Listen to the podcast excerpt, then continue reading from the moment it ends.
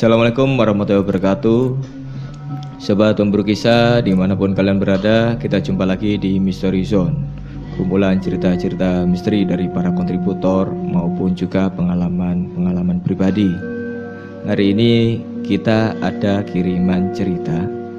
Kiriman cerita ini dari Mbak Mirna Kang. Iya. Mbak Mirna ini bercerita tentang ayahnya Yang mana ayahnya ini bernama Pak Wiryo Pak Wiryo yang Pak Wiryo yang sudah pensiun tapi ya. Iya, seorang pensiunan petugas penjaga air di salah satu dinas pengairan di Jawa Timur ya Kang Surya. Iya, betul. Nah ini bagaimana ceritanya Pak Wiryo ini, monggo Kang Surya dikisahkan. Oke, terima kasih Pak Cek ya. Nah, ini ceritanya Mbak Mirna ini cerita tentang ayahnya ya. Jadi mungkin Mbak Mirna dapat cerita dari ayahnya, terus minta izin untuk berbagi kisah dengan kita.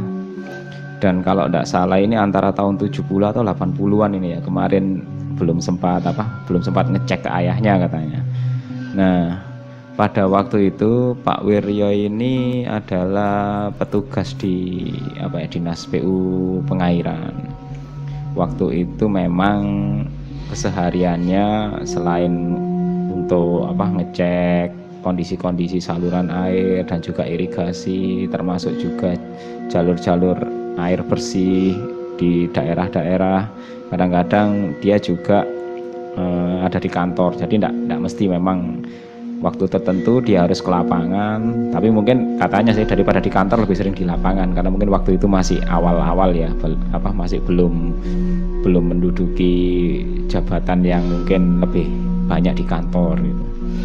Nah pada suatu waktu Pak Wiryo ini dapat penugasan di suatu daerah yang masih baru pertama kali beliau dinas di sana ya memang di sana masih banyak pedesaan dan juga masih banyak persawahan. Terus daerahnya juga nggak nggak terlalu ramai bukan bukan seperti kota gitu ya. Jadi di daerah pedesaan. Dan kebetulan memang ada salah satu pintu air itu yang agak kuno gitu kalau tidak salah entah itu peninggalan Belanda atau gimana gitu karena memang ada pintu air yang yang mana di situ ada pos untuk pos pengairan dan itu harus dipantau setiap waktu. Lah, waktu itu Pak Wiryo memang bertepatan lagi musim penghujan ya.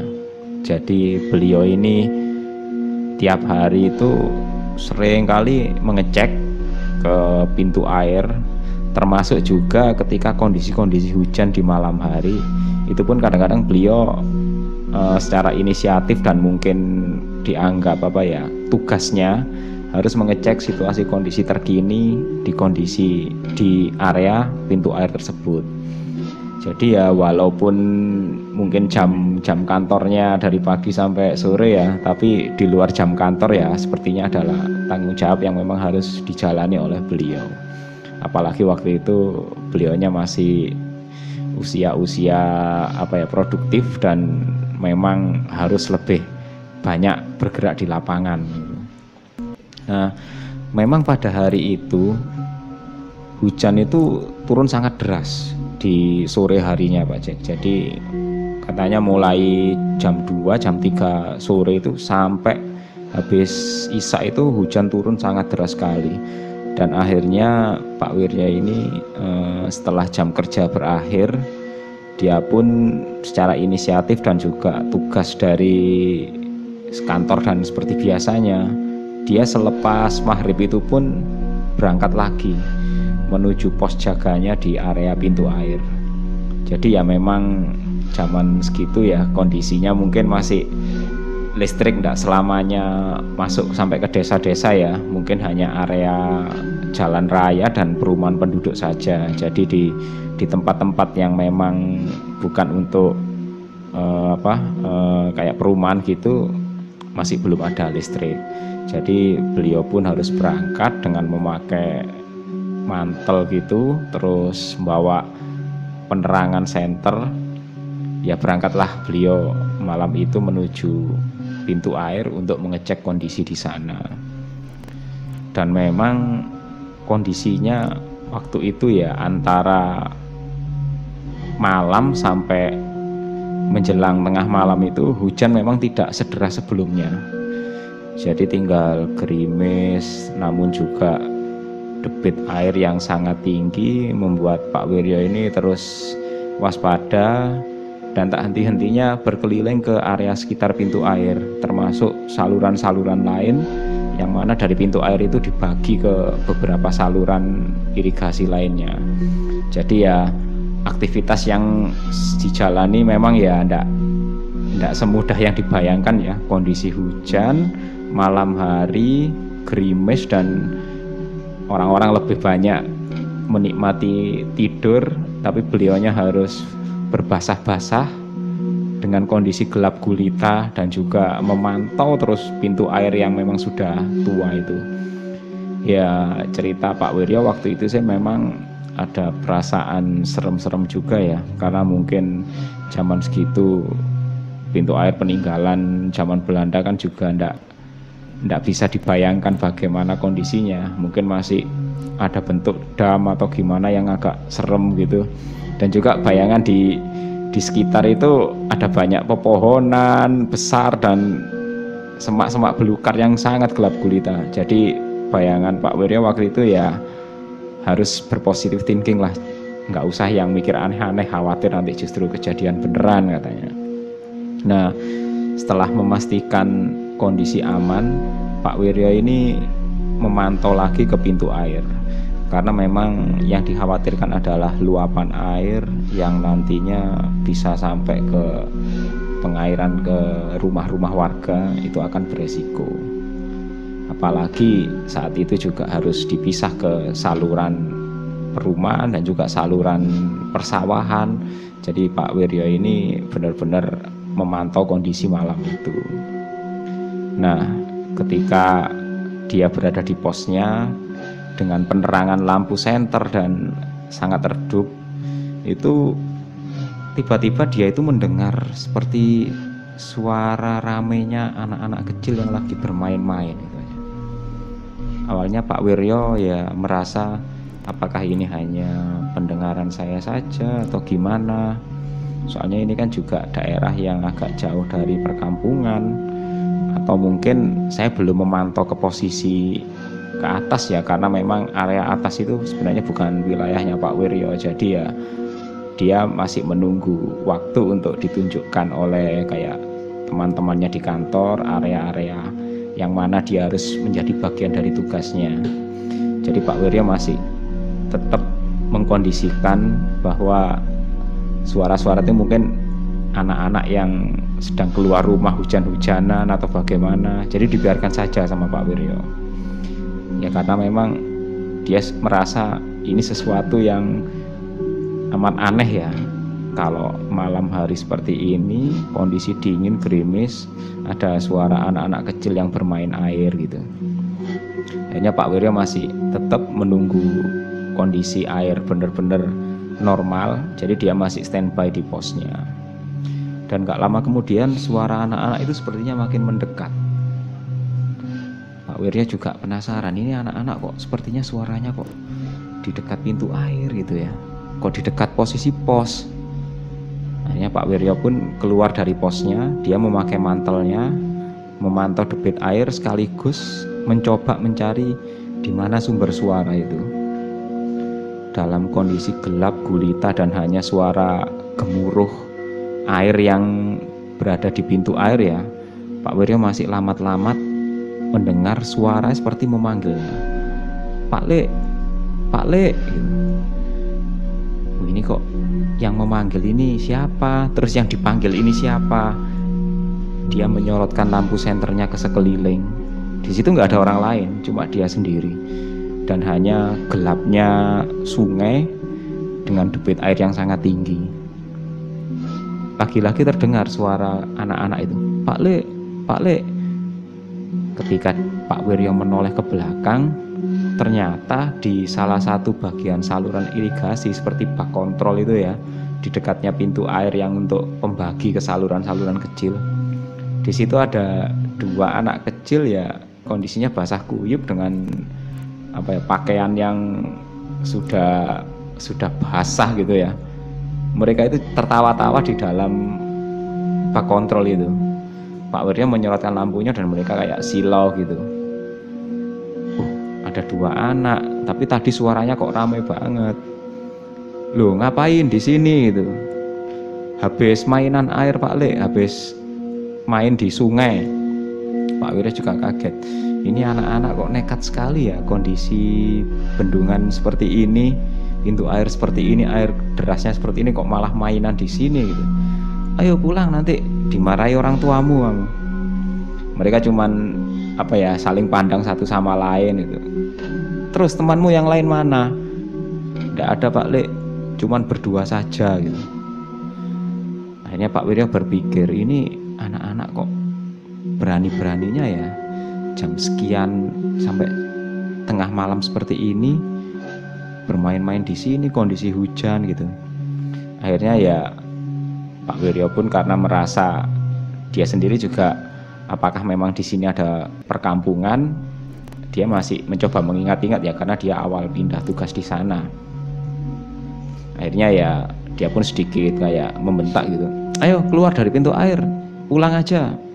Nanti kalau ada ular digigit ular kalian. Iya Pak Le.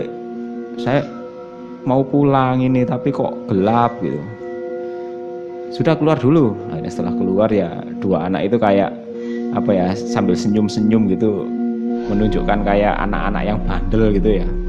Ya satu sama lain kelihatan ya masih usia usia 7-8 tahun gitu. Hanya ditanya rumahmu mana? Di atas Pak Le terus ini mau pulang atau gimana? Iya mau pulang sudah malam nanti dimarahi orang tua. Ya sudah lah kalian main sampai malam sudah tahu di sini nggak ada lampu nggak ada penerangan kok. Berani-beraninya mainan sampai malam gitu. Akhirnya ya mereka kayak ada kelihatan seperti merengek gitu. Iya pak Le minta diantar. Kita nggak tahu jalannya gelap becek gitu. Ya sudah. Nanti tunggu sebentar ya. Akhirnya Pak Wiryo kemudian masuk ke dalam posnya. Dia apa ya mengambil beberapa barang-barangnya terutama kayak mungkin apa sandal atau sepatu yang tadi dipakai untuk ganti gitu. Akhirnya Pak Wirya sambil menyuruh anak-anak itu menunggu sebentar dia mengecek kembali kondisi pintu air. Jadi hanya memastikan bahwa hujan memang sudah tidak deras lagi dan sepertinya kiriman kiriman air dari atas kayaknya juga ndak ndak seperti tadi bayangnya gitu. Karena kan kondisi waktu itu kan gelap gulita ya. Jadi Pak Wiryo ini ndak ndak bisa membedakan apakah di atas mendung atau terang atau cerah itu dia masih tidak bisa membedakan. Makanya ditunggu sampai jamnya benar-benar sudah aman dan debit air semakin menurun Pak Wiryo pun memutuskan untuk kembali pulang sekaligus mengantar anak-anak itu ketika melihat jam tangan Pak Widya juga setengah kaget. Wah ini kok sudah jam 2 hampir jam 12 malam ya. Nah ini anak-anak ini kok kebangetan banget gitu. Sampai jam sekian gak pulang-pulang gitu. Cuman karena alasan bocah-bocah ini masuk akal mereka nggak berani pulang karena kondisinya gelap sekali. Ya akhirnya Pak Wiryo pun mengajak dua anak itu untuk diantarkan jadi dengan satu lampu senter yang apa kondisi lampunya seadanya itulah Pak Wirya dengan dua bocah itu berjalan menuju perkampungan yang ada di atasnya pintu air.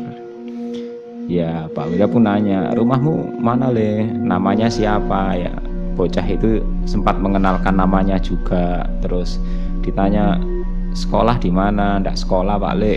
Nah, gimana ini bapaknya kerja apa bapak saya petani gitu. Lah terus tiap harinya apa?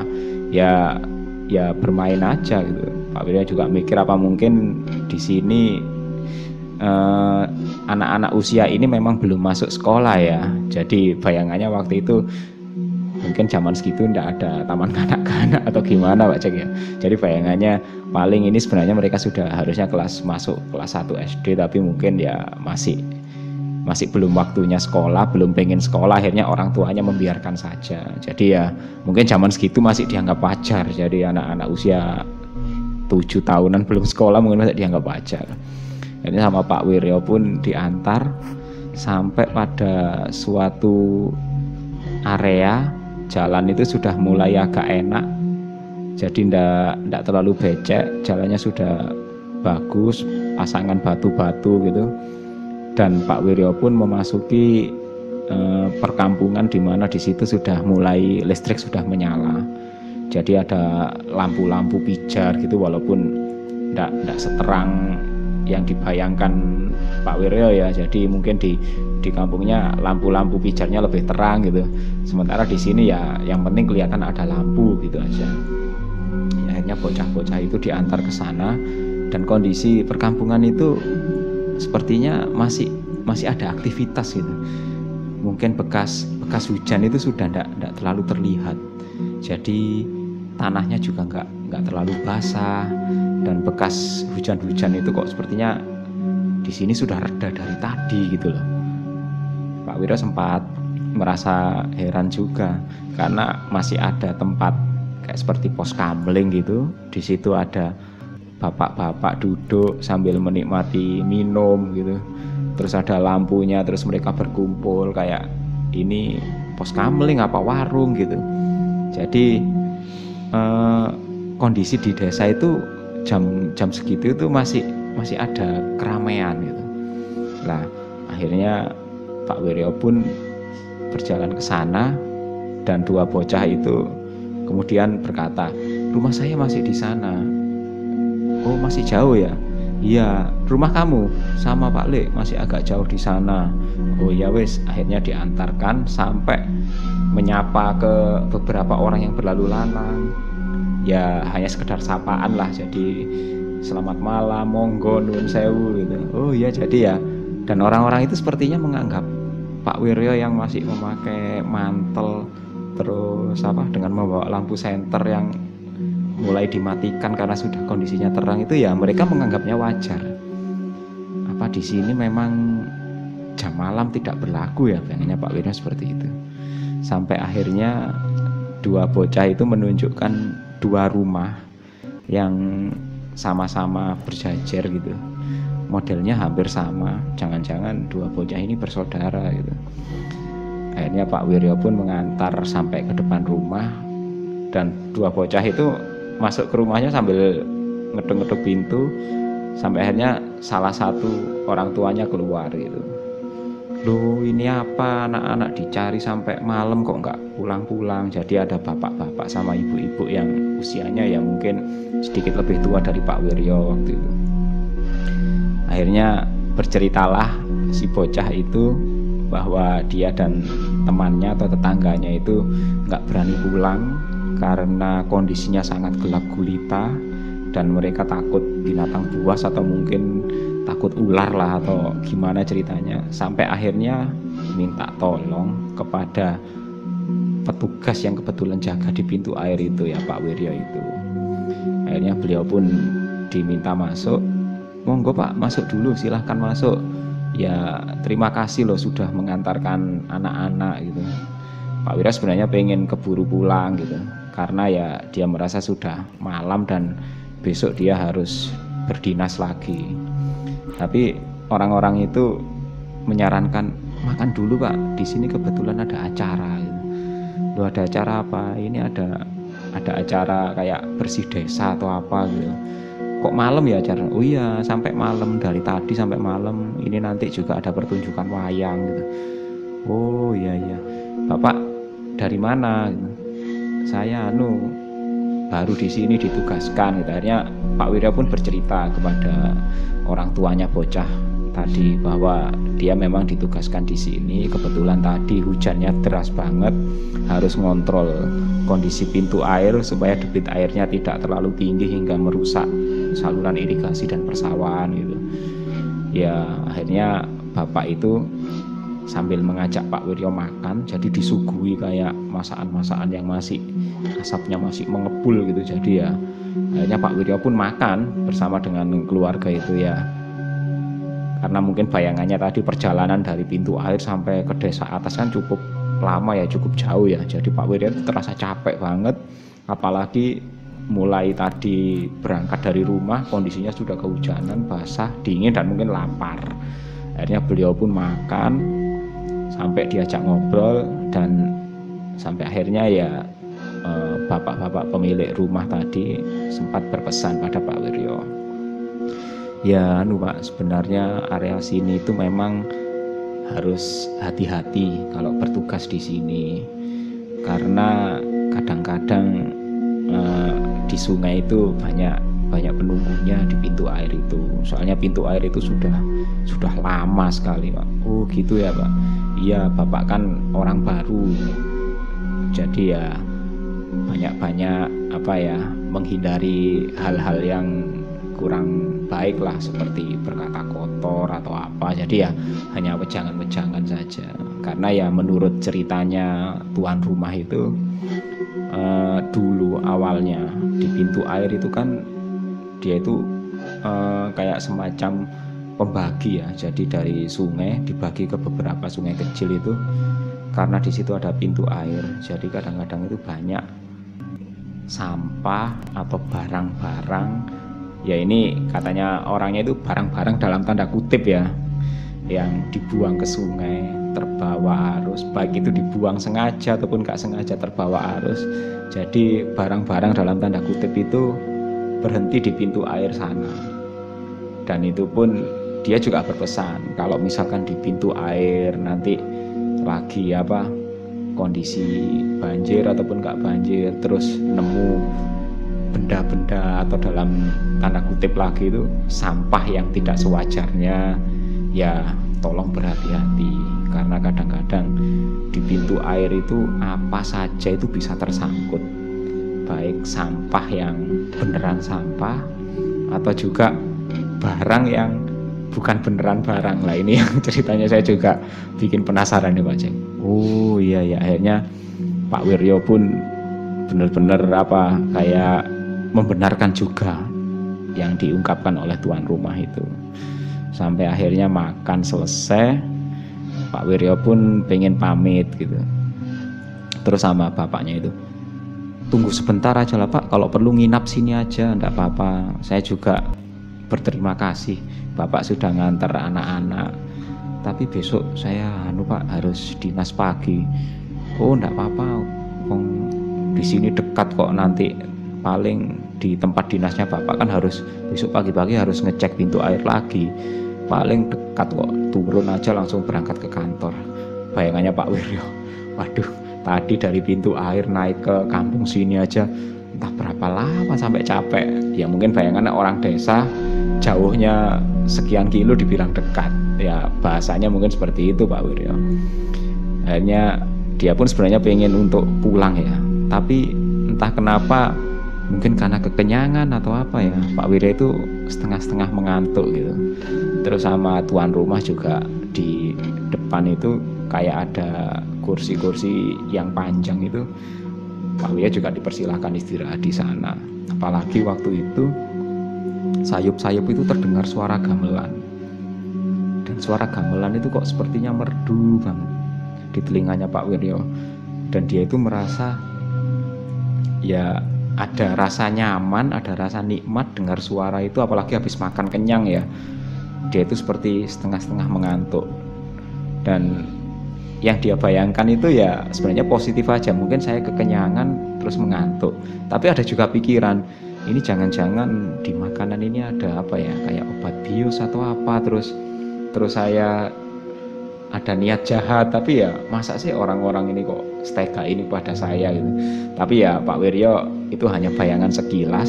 Jadi dia terus mendengarkan suara gamelan wah ini acaranya mungkin mau dimulai dia tadi masih ingat jangan pulang dulu Pak sekalian nanti nonton rame-ramenya warga gitu. Ya dia pun berharap nanti bisa sebelum pulang nonton dulu lah ataupun kalau kalau tidak jadi pulang ya nonton sampai selesai lah baru besok paginya pagi-pagi sekali baru berangkat pulang gitu. Lah ternyata Pak Wirya itu apa ya tiba-tiba itu seperti merasakan kantuk yang tak terhankan. Jadi dia tidak bisa tidak bisa lagi menyadari bahwa kondisinya sudah sangat capek dan setengah sadar. Akhirnya Pak Wiryo pun tertidur di sana.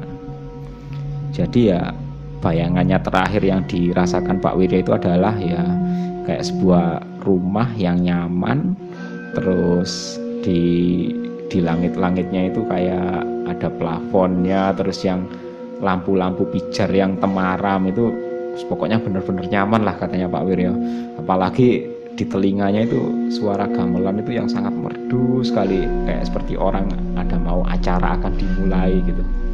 Sampai akhirnya Pak Wiryo setengah sadar. Dan tiba-tiba dalam tengah di tengah tidurnya yang nyenyak itu Pak Wiryo mendengar suara suara bukan seperti suara anak kecil ya tapi kali ini suara seperti orang dewasa gitu. Itu yang memanggil namanya. Wiryo bangun. Wiryo bangun. Ayo pulang. Bangun Wiryo pulang nah, Pak Wiryo itu berusaha mencari ini suara di mana ya? Akhirnya Pak Wiryo itu mulai setengah tersadar. Dia itu nyadar bahwa saat ini kondisinya tertidur dan suara itu benar-benar terdengar jelas di telinganya memaksa dia untuk bangun. Tapi anehnya Pak Wirya itu tidak bisa terbangun.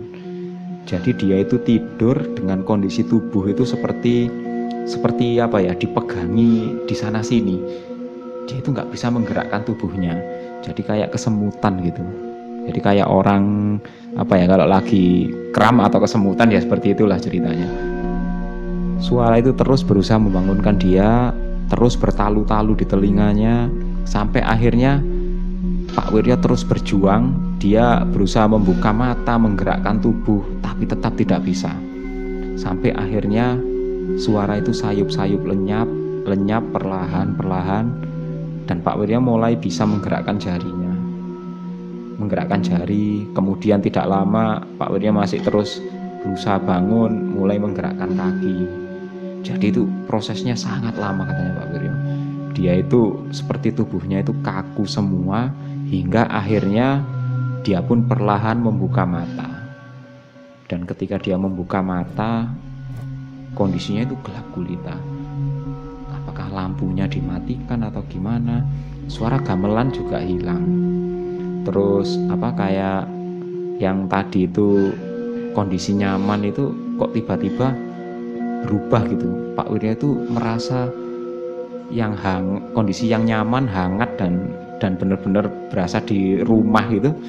Itu tiba-tiba lenyap dan Pak Wirya merasa tubuhnya itu kayak uh, itu apa mulai kedinginan gitu. Kenapa ya kok tubuh ini kedinginan ya? Dingin itu bukan dingin karena hawanya dingin ya tapi dingin itu karena dingin seperti bekas basah gitu Akhirnya Pak Wiryo terus berusaha menggerakkan tubuhnya yang kaku. Dan kemudian dia itu masih masih setengah hanya bisa memiringkan setengah tubuhnya ya ke kiri dan ke kanan. Sampai akhirnya nggak terasa itu tangannya itu memegang benda benda yang seperti besi dingin dan berbentuk bulat. Dan dia baru tahu ini adalah senternya yang tadi dibawanya ke mana-mana. Akhirnya senter itu dipegang kondisi center itu dia pun dengan berusaha untuk mencari posisi tombolnya center ini ke mana ini ya. Akhirnya Pak Wiryo pun mulai bisa menggerakkan tangannya dan dia itu terduduk. Dan ketika dia menyalakan center Pak Wiryo ini kaget. Nggak ada lagi rumah yang nyaman nggak ada lagi dipan kursi yang panjang yang enak itu. Pak Wiryo menyorot lampu senter sekeliling dia itu berada di tempat yang basah, masih menggunakan mantel hujannya, masih menggunakan sepatunya, bahkan kondisinya juga kotor dan basah kuyup, tapi bukan basah di sungai. Dia itu kondisinya berada di tengah kubangan, biasanya yang kerbau berkubang di sawah itu Pak Syek. Jadi setengah tubuhnya itu terendam dengan posisi duduk itu di kubangan kerbau. Dan untunglah senternya ini walaupun kotor terkena lumpur masih masih bisa sedikit menyala gitu. akhirnya Pak Wiryo pun bangun sambil apa ya kondisi tubuh yang kaku semua itu. Dia berjalan sempoyongan berusaha melihat jam. Ternyata untungnya jamnya juga masih bisa menyala. Dilihat kok masih jam setengah empat jam tiga setengah empat itu berarti masih belum subuh. Dia masih memastikan apakah jamnya ini benar-benar mati atau enggak. Dia juga mengecek semua kondisi tubuhnya. Takutnya dia tadi jatuh atau gimana barangkali ada yang luka. Ternyata juga nggak ada masalah apa-apa. Dan ketika menyorot sekeliling tempat pintu air tempat dia berjaga itu hanya berjarak 23 meter 20 sampai 30 meter saja dari tempat dia pingsan atau nggak sadar tadi. Hanya Pak Wiryo pun bangun tak henti-hentinya mengucap syukur. Istilahnya dia berterima kasih lah kondisinya masih sadar dan dia tidak mau lagi mengingat-ingat tadi itu seperti apa. Dia anggap itu adalah suatu peristiwa yang mungkin dia semacam mimpi atau gimana. Bayangannya Pak Wira seperti itu. Cepat-cepat dia berlari ke pos mengecek kondisi bahwa semuanya baik-baik saja tidak ada masalah apa-apa dengan kondisi yang badan kotor semua akhirnya Pak Wiryo pulang jadi itu pengalaman luar biasa yang dialami ayahnya Pak Wirna ini Pak Cek. Sepertinya itu kenalan kan? Ya bisa jadi. Bisa kenalan. jadi kenalan karena Pak Wiryonya kan baru di situ. Dan dan yang lucu adalah kenalan sambil mengingatkan bahwa di sini harus nggak boleh berkata kotor dan aneh-aneh. Kenalannya ya. kok apa ya? Kenalan sekaligus dia juga mengingatkan. Keakrab akrabnya kok asik banget gitu mengakrabkan dirinya kok asik banget gitu oke sobat pemburu kisah terima kasih telah mendengarkan cerita hari ini jangan lupa untuk like subscribe serta tinggalkan komentar di bawah dan ikuti terus kisah-kisah kami selanjutnya. Assalamualaikum warahmatullahi wabarakatuh. Bye bye